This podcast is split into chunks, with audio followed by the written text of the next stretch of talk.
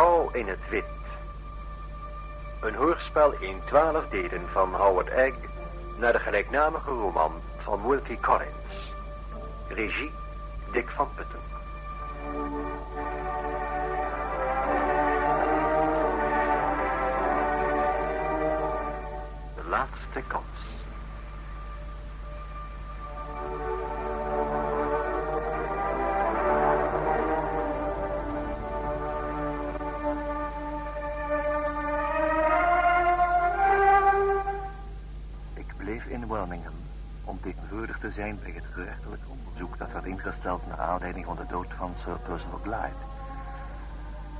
Lange ondervragingen, die niets opleverden, sprak de jury haar mening uit.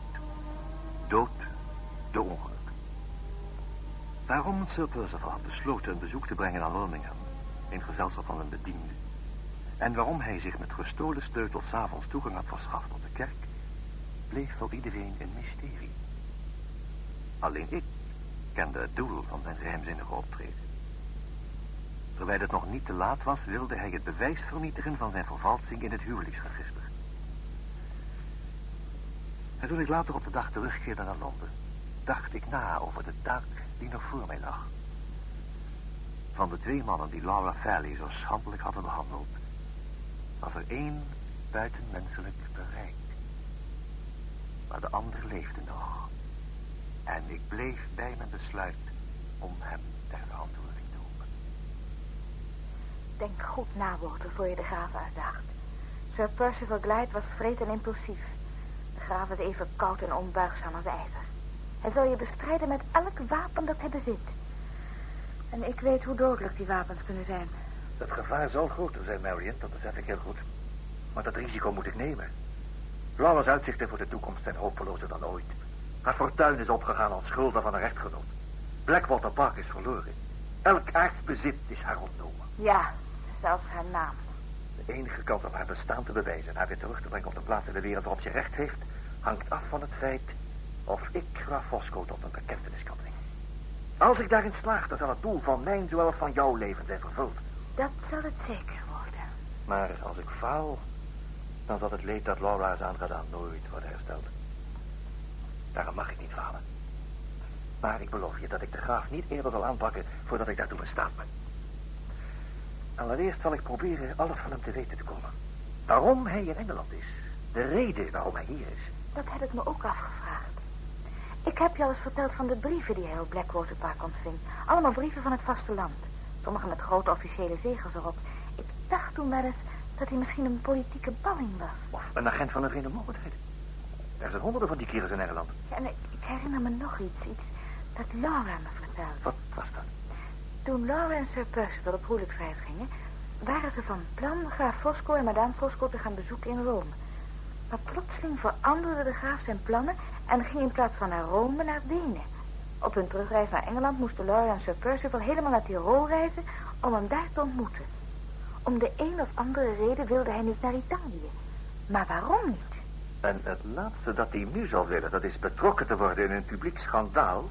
dat een dwingen zal ons land te verlaten. Misschien kwetsbaarder dan wij durven hopen, Marion. Als we erachter konden komen wat zijn activiteiten hier zijn. Dat is misschien niet onmogelijk. Ik denk juist aan iemand die ons wellicht kan helpen. Mijn kleine Italiaanse vriend Pesca. Die professor, van wie je me hebt verteld. Die je hebt verzorgd toen hij zo ziek was. Ja, Giovanni Pesca. Op een of andere wonderlijke manier kent hij de meeste Italianen die Londen bezoeken. Hij heeft Fosco misschien zelfs al eens ontmoet. Of minstens van hem gehoord. Dat zal hij mij direct kunnen zeggen. Vanavond, als hij zijn les heeft beëindigd, dan zal ik daar aan toe gaan. Walter, Walter, come sta, mio amico? Heel goed, dank je, Giovanni. En met jou? Ah, poco bene. Ik heb last van reumatiek. Ik word oud. Oh, wat ben ik blij je weer te gaan zien. Eh, ga zitten, ga zitten. Dank je, dank je. Ik heb juist die koffie klaar. Doe je mee? Graag. Met de suiker? Heel weinig, Giovanni. Voor mij, molto. En, eh, hoe is het met jou gegaan, mijn vriend? Wel, Giovanni, ik ben hier gekomen om jouw hulp in te roepen. Huh? Jij kent de meeste Italianen in Londen. Heb je ooit eens een man ontmoet die Fosco heet? Graaf Fosco. Fosco? Ja? Hij woont op het ogenblik in Londen. Eh, nee, die naam is mij niet bekend. Eh, vertel mij iets van hem, mijn vriend. Dan herinner ik het mij misschien beter. Is hij een artiest, eh, een muzikus eh, of een leraar? Eh, nee, zover ik weet heeft hij geen beroep. Maar ik weet heel weinig van hem. En daarom hoopte ik dat jij mij misschien meer van hem zou kunnen vertellen, Giovanni. De toekomst en het geluk van iemand die mij zeer dierbaar is, hangt er in belangrijke mate van af. Ah, en ik kan jou niets vertellen, che peccato. Heb je de naam dan nog nooit gehoord? Vasco. Ja. Nee, nee, nog nooit, mijn vriend. Eh, Misschien is het niet zijn ware naam, ik weet het niet. Ah, is hij een man die andere namen gebruikt? Hij is een man die overal gebruik van maakt om zijn belangen te dienen. Hoe ziet hij eruit? Beschrijf hem eens. Wel, hij is enorm dik. eh, oh, dat zegt niet veel. Die meeste van mijn landgenoten zijn dik. Ik heb hem zelf nog nooit gezien, maar ik ben er zeker van dat ik hem zou herkennen. En jij misschien ook, Giovanni? Wil jij iets voor mij doen? Voor jou, vader. Sempre. Wil jij met me meegaan naar een plaats van waar we op een afstand graaf Fosco kunnen observeren? Dan kun je mij misschien zeggen of je hem vroeger wel of niet hebt ontmoet. Als dat zo belangrijk voor jou is, mijn vriend. Oh, dan ik ga met jou mee. Wanneer? Morgen, Giovanni? Zie, morgen. Ik krijg pas leerlingen na de lunch. Die hele morgen ben ik vrij. En s'morgens zal de beste tijd zijn. Als je mij dus zegt waar ik jou kan ontmoeten, dan zal ik zorgen dat ik er ben. De volgende morgen, even voor tien uur, stond Giovanni Pesca op de plaats die wij hadden afgesproken. En samen liepen wij naar St. John's Wood. Het huis van graaf Fosco, op Forest Road nummer 5, lag op de hoek van een zijstraat. We liepen een eindje verder en bleven toen staan tussen een paar bomen. Vanaf deze plaats hadden wij het gezicht op het toegangshek van het huis en moesten wij iedereen zien die naar binnen of naar buiten ging. We hadden geluk. Want na een minuut of tien werd het hek geopend en kwam er een man naar buiten. Volgens de beschrijving van Marion herkende ik hem onmiddellijk als de graaf. Marion had mij wel voorbereid op zijn enorme lichaamsomvang, maar niet op de vitaliteit en levenslust die hij als het ware uitstraalde. Zijn hoed droeg hij luchtig op één oor. Hij neuriede vrolijk en hij zwaaide met zijn wandelstok, terwijl hij met lichte tred verder liep, met een milde, welwillende glimlach opkijkend naar de huizen. Maar in plaats van naar de hoofdweg te lopen, kwam hij in onze richting. Ik greep de arm van Pesca. Is dat onze man? Ja. Mio Dio, wat een kolossale groot. Oh, en hoe zelfverzekerd. Fantastico. Ken je hem? Nee, Heb je nog nooit gezien? nog nooit. Kijk eens goed. Nee, mijn vriend. Die man heb ik nog nooit onder ogen gehad. Nou, daar ben ik zeker van. Hij heeft ons gezien. Ja. Hij blijft staan. Hij kijkt naar jou. Hij kent jou. Hoe, hoe is dat mogelijk? Dat hij mij kent als ik hem niet ken. Je hebt hem laten schrikken. Kijk, hij gaat terug. Hij gaat terug naar huis. Ik, ik begrijp er niets van. Om een bepaalde reden wil hij je niet ontmoeten. Ja, maar waarom niet? Om welke reden? Denk na, Giovanni, denk na. Hij herkende jou op het moment dat hij je zag. Maar heb je die blik gezien waarmee hij naar je keek? Vol angst. Denk na over hetgeen er in het verleden gebeurd kan zijn. Misschien in Italië, dat zou de reden kunnen zijn van zijn gedrag. Denk na, Giovanni. Denk na, er hangt zoveel van af. Je, je, je weet niet wat jij mij vraagt. Is er geen andere manier om vat op die man te krijgen dan juist door mij? Er is geen andere manier, Giovanni. Daarom smeek ik jou om hulp. Kom, mijn vriend. Laten wij teruggaan. Laten wij naar mijn kamer gaan. Tot mijn grote verbazing bleek, hetgeen ik hem had gezegd, dezelfde verpletterende uitwerking op Pesca te hebben, als het zien van Pesca een ogenblik tevoren op Graaf Fosco had gehad.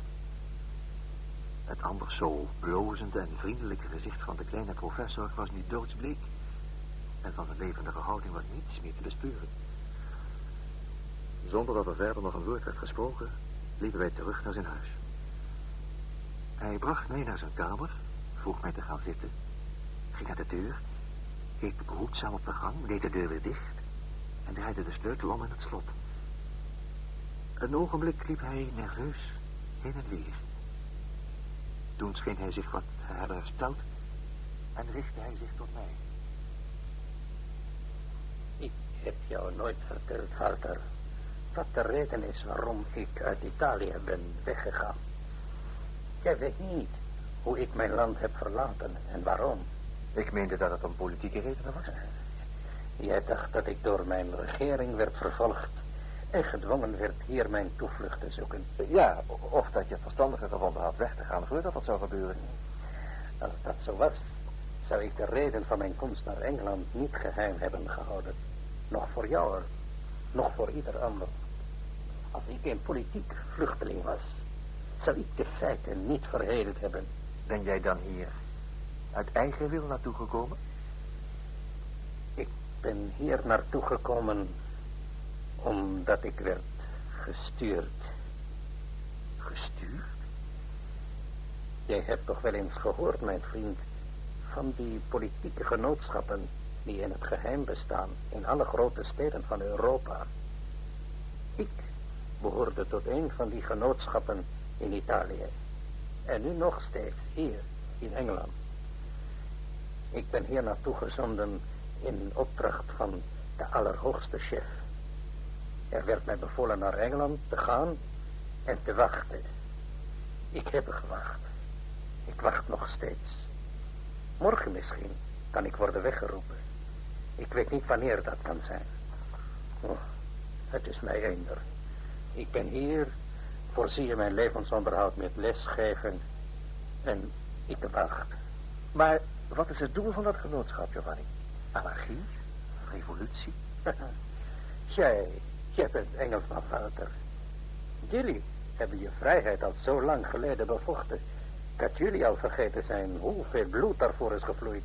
en tot welke uitersten jullie zijn gedreven. Maar bij ons is dat anders.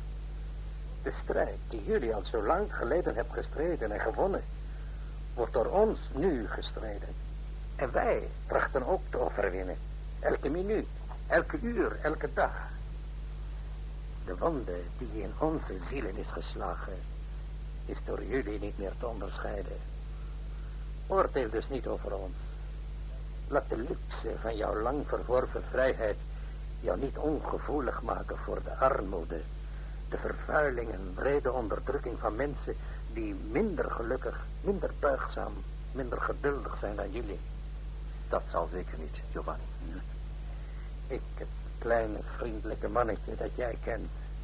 Ik ben niet altijd zo rustig en eerbaar geweest. Dat was in de tijd dat het besef bij mij ontwaakte... wat het betekende gebukt te moeten gaan onder geweldpleging en onrecht. En te moeten leven zonder enige hoop. Het was in die tijd en onder de druk der omstandigheden dat ik mij aansloot bij het genootschap. Ik ontving het geheime teken waaraan al onze leden zijn te herkennen. Maar ik zal niets voor jou verborgen houden, mijn vriend. Jij zult dat teken zien. Hier. Hier aan de binnenkant van mijn bovenarm. Ingebrand en onuitwisbaar voor het leven. Het zwaard. Zwaard van de vrijheid. Het zwaard dat jullie Engelsen al zo lang geleden hebt opgestoken. Een man met dit brandmerk in de arm is een lid van het genootschap. Maar de leden kennen elkaar niet. Er is een president in Italië en er zijn presidenten in andere landen. Ieder van hen heeft zijn eigen secretaris. Alleen zij kennen de leden. In dat opzicht is de organisatie van het genootschap enig in zijn soort. De leden leven hun gewone leven en houden zich gereed. Het is onze eerste taak om te leren wachten. Die tweede, om te gehoorzamen zodra een bevel is gegeven. Sommigen wachten hun gehele leven zonder dat er een beroep op hen wordt gedaan. Anderen krijgen alleen taak op de dag van hun intrede. En wat gebeurt er als een lid om een of andere reden verraad pleegt? Dan verbeurt hij zijn leven.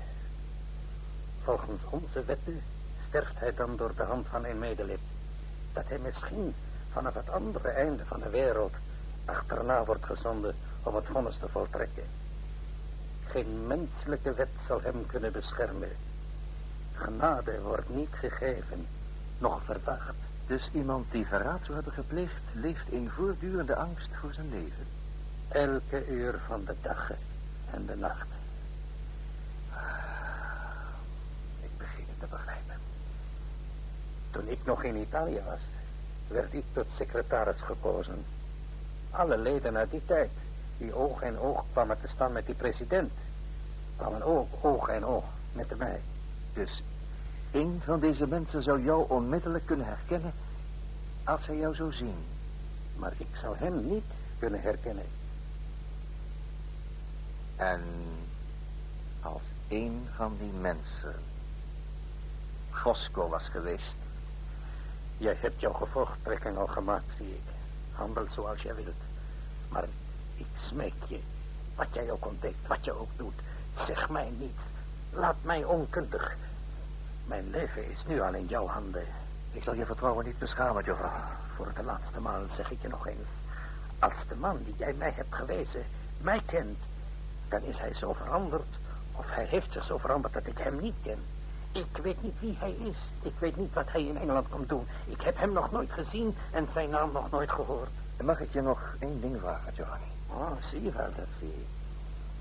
Als jij te weten zou komen dat Fosco lid is van het genootschap en dat hij verraad had gepleegd, zou jij dan bevoegd zijn en het recht hebben, als je daar gebruik van zou willen maken, om dat verschrikkelijke vonnis te voltrekken waarover je gesproken hebt?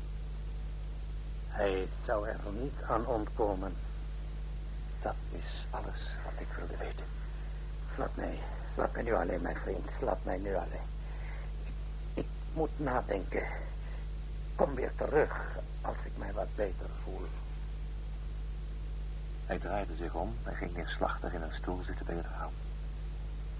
Gevolggevend aan zijn wens alleen gelaten te worden, verliet ik zacht de kamer. Ik besefte dat er geen tijd was te verliezen en ik besloot nog om dezelfde avond naar het huis van graaf Fosco te gaan. Maar ik nam allereerst de voorzorg om aan Pesca een brief te schrijven die ik verzegelde. In een notitie die ik eraan hechtte, verzocht ik hem om mijn brief alleen te openen onder bepaalde omstandigheden. Door een speciale boodschap liet ik brief en notitie afgeven aan het huis van Pesca. Die avond nam ik een rijtuig en reed naar St. John's Wood. Bij Forest Road stapte ik uit en ging te voet verder naar het huis waar Fosco woonde. Ik trok aan de bel en wachtte. U? Mijn naam is Hartright. Ik zou graag graaf Fosco willen spreken. Waarover? Zegt u hem dat ik gekomen ben om over belangrijke zaken te praten? Wat voor zaken? Dat kan ik hem alleen zelf zeggen. Denk niet dat de graaf u kan ontvangen. Hij heeft het erg druk. Wilt u hem misschien zeggen dat de zaak niet kan wachten? Ik zal het doen. Maar het geeft u weinig kans. Wacht u hier. Na korte tijd kwam de vrouw, ik vermoed dat zij madame Fosco was, weer terug en vroeg mij op ijskoude toon verder te komen. Het was bijna donker in de hal.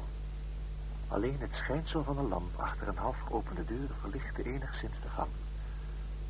Madame Fosco ging mij voor, opende de deur helemaal en kondigde mij aan.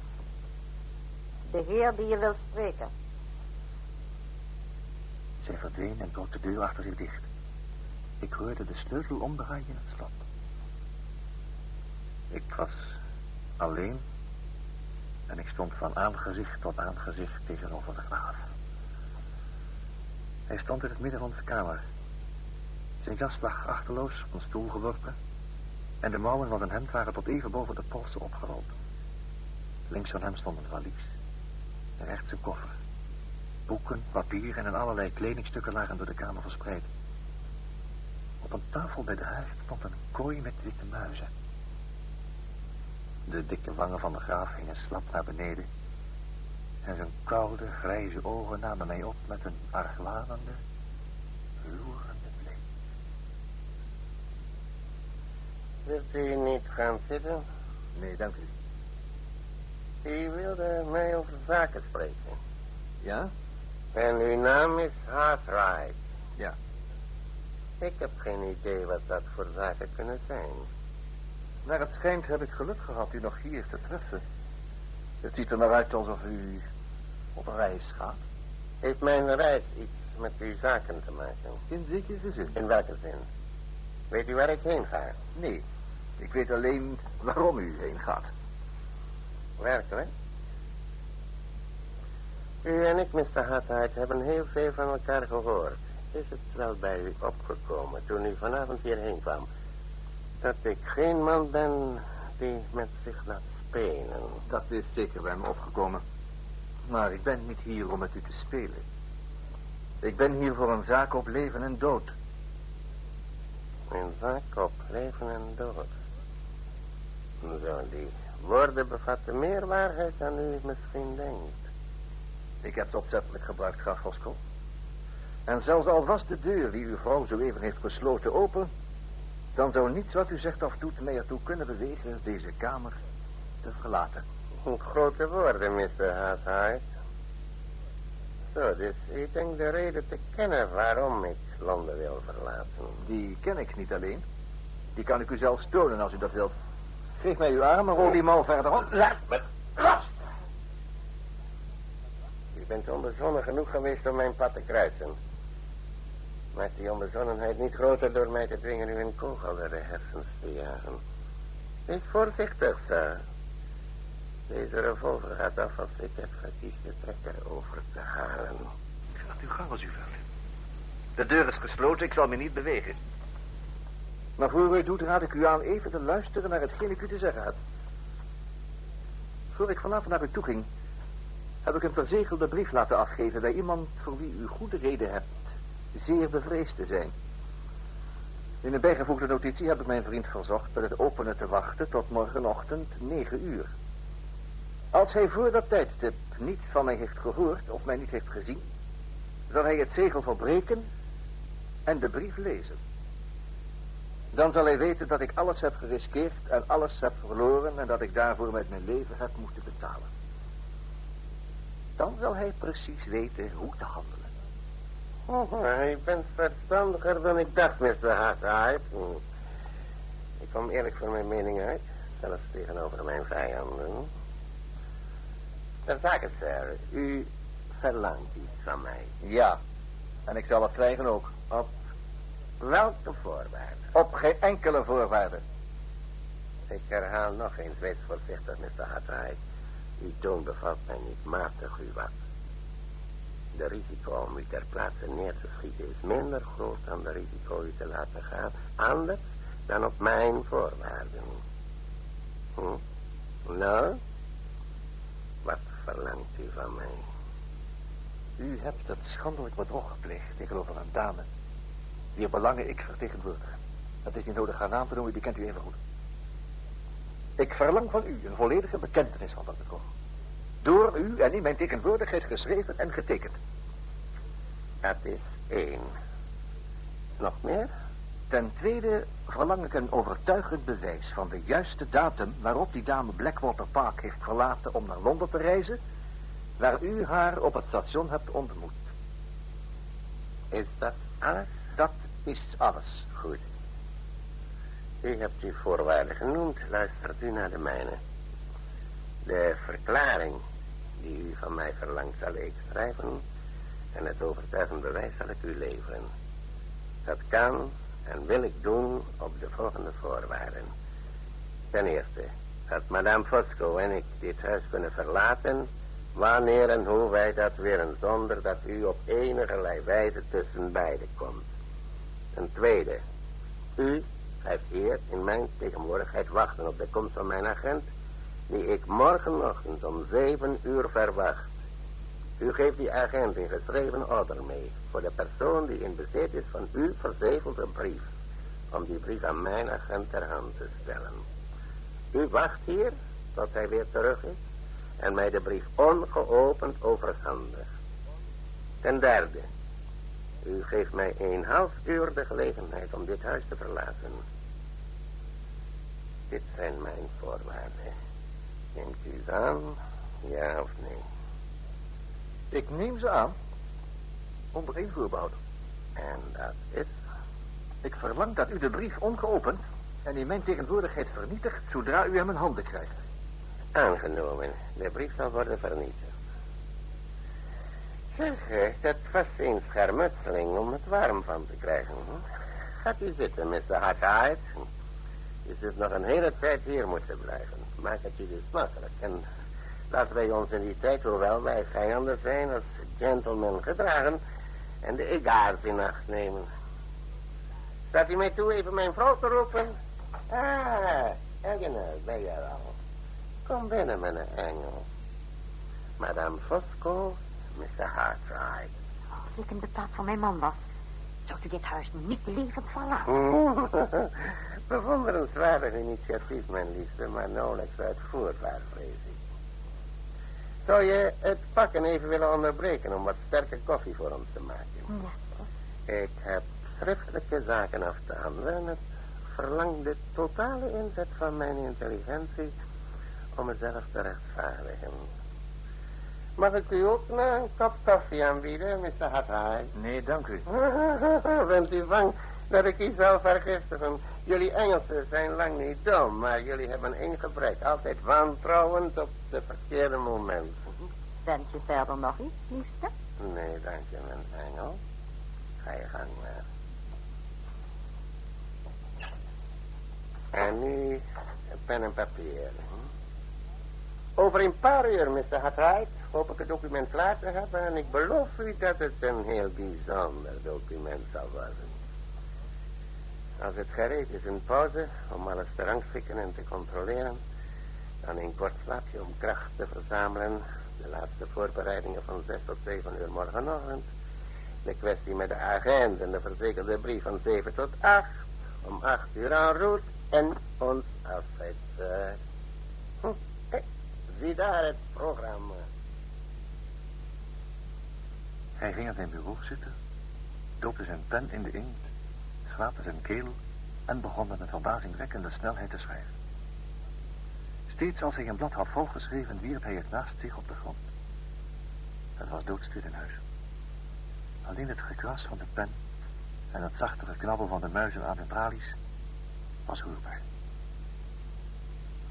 Het was al vroeg in de morgen toen de graaf eindelijk zijn handtekening onder het document plaatste. Precies om zeven uur arriveerde zijn agent die hij mij voorstelde als Monsieur Rubelle. Ik schreef een kort briefje aan Pesca waarin ik hem verzocht aan brenger dezes mijn verzegelde brief mee te geven. Even voor acht uur kwam Monsieur Rubelle weer terug. Hij overhandigde de brief aan de graaf, die hem onmiddellijk in een kaarsvlam verbrandde. Elena, ben je klaar om te vertrekken? Is alles geregeld? Alles, ja. Alleen. Ach, mijn onschuldige lievelingen. Mijn dieren. Ah, wat moet ik met jullie aanvangen? Mijn kakatoe, mijn kanaries. Nou, dan nog één keer. Kom maar uit jullie huisje. Eén, twee, drie. Hup. Bravo. En weer terug. Drie, twee, één. Hup. Bravo.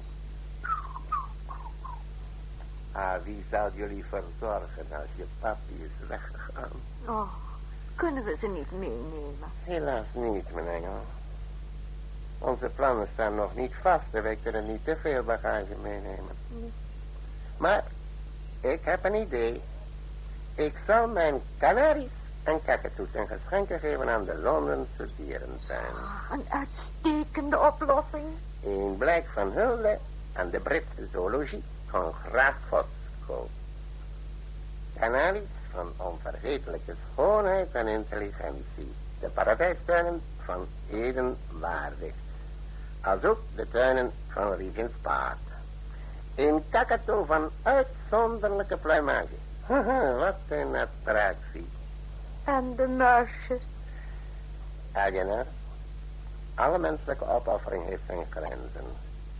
Ik kan niet scheiden van mijn witte muizen.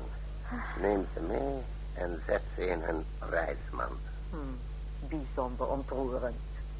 Ik zal het doen. Nog één ding voor ik vertrek, Mr. Hartwright. Toen ik Miss Helcom voor het laatst heb gezien, zag ze er zwak en ziek uit. Zorg goed voor haar, sir. Ik heb een grote bewondering voor haar. Met de hand op het hart, smeek u zorg goed voor haar. Dat waren de laatste woorden die graaf Fosco tot mij richtte... voor hij zijn omvangrijke lichaam in het wachtende rijtuig perste. Tijdens het halve uur dat ik hem had gegeven om te vertrekken... bleef monsieur Rubelle bij mij in de kamer. Ik had geen zin om een gesprek met hem te beginnen. We zaten zwijgend tegenover elkaar... terwijl de klok op de schoorsteenmantel de minuten wegtikte. Ik nam de papieren die de graaf mij had overhandigd. En ik las het verslag van een gruwelijke misdaad. Opgetekend door de man die de opzet en de uitvoering daarvan op zijn geweten had. Toen ik mij verdekt had opgesteld tussen de bomen bij het meer Blackwater Park. En ik voor het eerst en Keswick zag, werd ik sterk getroffen door de gelijkenis van dit ongelukkige schepsel met Lady Glyde. En het was op dat ogenblik dat het grote plan, dat zou dienen om Sir Percival Glyde en mezelf te ontlasten van alle financiële zorgen, in mijn hersens opdoemde. Hoe ik het heb uitgevoerd. U zult het horen. Met mijn uitgebreide kennis van de medische wetenschap en de chemie had ik ertoe kunnen besluiten om het leven van Lady Glyde te nemen. Niet zo eenvoudiger zijn geweest. Maar in plaats daarvan deed ik met grote zelfopoffering in beroep op mijn vindingrijkheid, mijn menslievendheid en mijn aangeboren voorzichtigheid en besloot alleen haar identiteit te nemen. Beoordeel mij naar hetgeen ik had kunnen doen. Hoe volkomen onschuldig, hoe verdienstelijk eigenlijk is daarbij vergeleken hetgeen ik werkelijk deed. De eerste stap naar de uitvoering van mijn plan was om de ene vrouw de plaats van de andere te laten innemen. Ik lokte Anne Catherick naar Londen. Dat was heel eenvoudig. Ik behoefde alleen maar te zinspelen op haar angst voor Sir Percival. En ik introduceerde haar in mijn huis als Lady Glyde. Wat niet minder eenvoudig was. Maar tot mijn onuitsprekelijke ontsteltenis kreeg ze toen ze nog maar net in huis was een hartaanval. Mijn plan kwam in gevaar. Ik liet onmiddellijk een dokter waarschuwen. Het mocht niet baten. 36 uur later stierf zij. Op de 25 juli. En de overlijdingsakte die de dokter had opgemaakt droeg dezelfde datum. Ik was geslagen. Denk dat eens in Fosco geslagen. De pseudo-Lady Glyde was gestorven... voor de echte Lady Glyde de volgende dag in Londen zou aankomen. Maar mijn helder verstand bleef de situatie meester. Ik moest het spel tot het einde spelen... en ik speelde het. De volgende morgen ging ik met een rijtuig naar het station om Lady Light af te halen. Ik had een pakje bij me met de kleren die Anne Catholic had gedragen toen ze bij mij kwam. Die waren noodzakelijk om de herreizenis mogelijk te maken van de dode vrouw in de persoon van de andere vrouw. Wat een situatie. Oh, stof. Vooral het jonge romantische schrijvers in Engeland en de uitgedoofde dramaturgen in Frankrijk. Vanaf het station reed ik Lady Gly, die weinig of niets van Londen scheen te weten, over de rivier naar het huis van monsieur Rubelle. Daar aangekomen voelde ze zich niet goed. En ze vroeg om een glas water. Hm, geen enkel verzoek zou mij aangenamer zijn geweest. Ik liep de wetenschap te hulp en verloste haar van alle verdere zorg en angst. S'avonds belastte madame Rubelle zich met het toilet van de bewusteloze Lady Glyde. Haar eigen kleren werden weggenomen en s'morgens vervangen door de kleren van Anne Catherick. Gedurende de dag hield ik onze patiënt steeds in een lichte toestand van verdoving. En s'avonds, de avond van de 27 juli, brachten Madame Rubert en ik de herleefde en Kesselijk weer terug naar het gesticht. Zij werd met verwondering, maar zonder enig argwaan ontvangen. Dankzij een voorafgaand schrijven van Sir Percival. En de gelijkenis, de kleren en de verwarde toestand waarin de patiënt verkeerde. Ik ging onmiddellijk terug naar St. John's Wood om Madame Fosco bij te staan met de voorbereidingen van de ter aardebestelling van de pseudo-Lady Glyde. De begrafenis in Limerick woonde ik zelf bij, met alle uitingen van eerbied en diepe rouw. Mijn verslag van deze ongewone gebeurtenissen, geschreven onder evenzeer ongewone omstandigheden, eindigt hier. Ik had bij de aanvang al beloofd dat het een zeer bijzonder verslag zou worden. En mijn verwachtingen zijn niet beschaamd.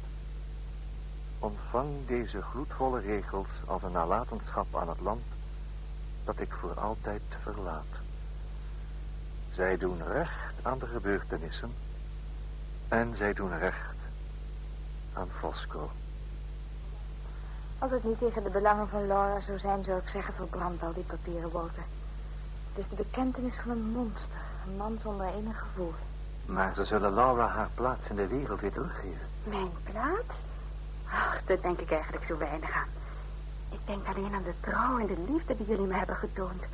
En de gevaren die jullie voor mij hebben getrotseerd. Op welke manier kan ik dat ooit terugbetalen? Als die wens werkelijk in je hart leeft, dan is er een manier, Laura. Ik geloof dat ik je begrijp. En die wens leeft in mijn hart. Doe dat dan ook voor mij. Maak het voor mij mogelijk het verleden te vergeten en het verkeerde dat ik jou en Walter eens heb aangedaan. Dat is alles wat ik je wil vragen. Ga je weg? Even, ik kom zo terug.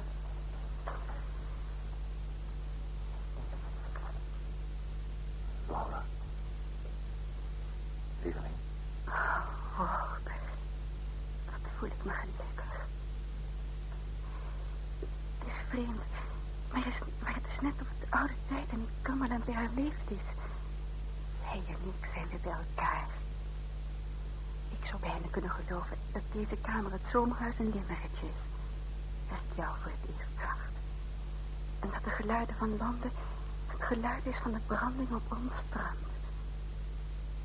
Liefde. Eindelijk mogen we zeggen dat we van elkaar houden. Met heel mijn hart. Met heel mijn hart. En niets kan ons nu meer scheiden. We gaan trouwen. En ik zal je terugbrengen naar Limerick. En het huis van je oom zal je ontvangen in aanwezigheid van allen die getuigen waren van jouw vermeende begrafenis. De getuigenis van die leugen zal in het openbaar van de grafsteen worden verwijderd. En iedereen zal het onrecht leren kennen. Het onrecht dat jou is aangedaan. Dat is nu niet meer van belang, liefste. Dankzij mijn groot geluk ben ik het meestal bijna vergeten. We zullen weer naar Londen terugkeren. En de heuvels van Cumberland zullen achter ons verdwijnen. En als nu het duistere verleden is verdwenen. Marion zal bij ons blijven. Ja, Walter. Want al mijn geluk dank ik aan jou en aan Marion. Na alles wat wij drie hebben moeten verduren, mag er geen scheiding meer tussen ons zijn. Er zal geen scheiding zijn. Lieveling.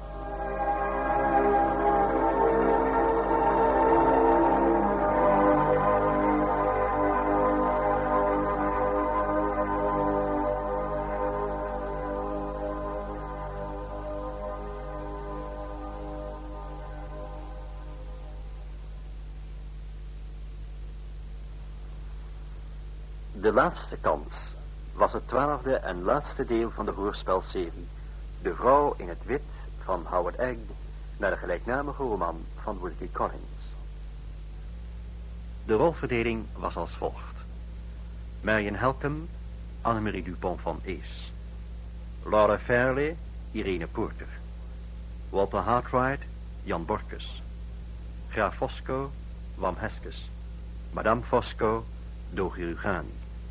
Giovanni Pesca, Dries Krijn. De regie had Dick van Putten.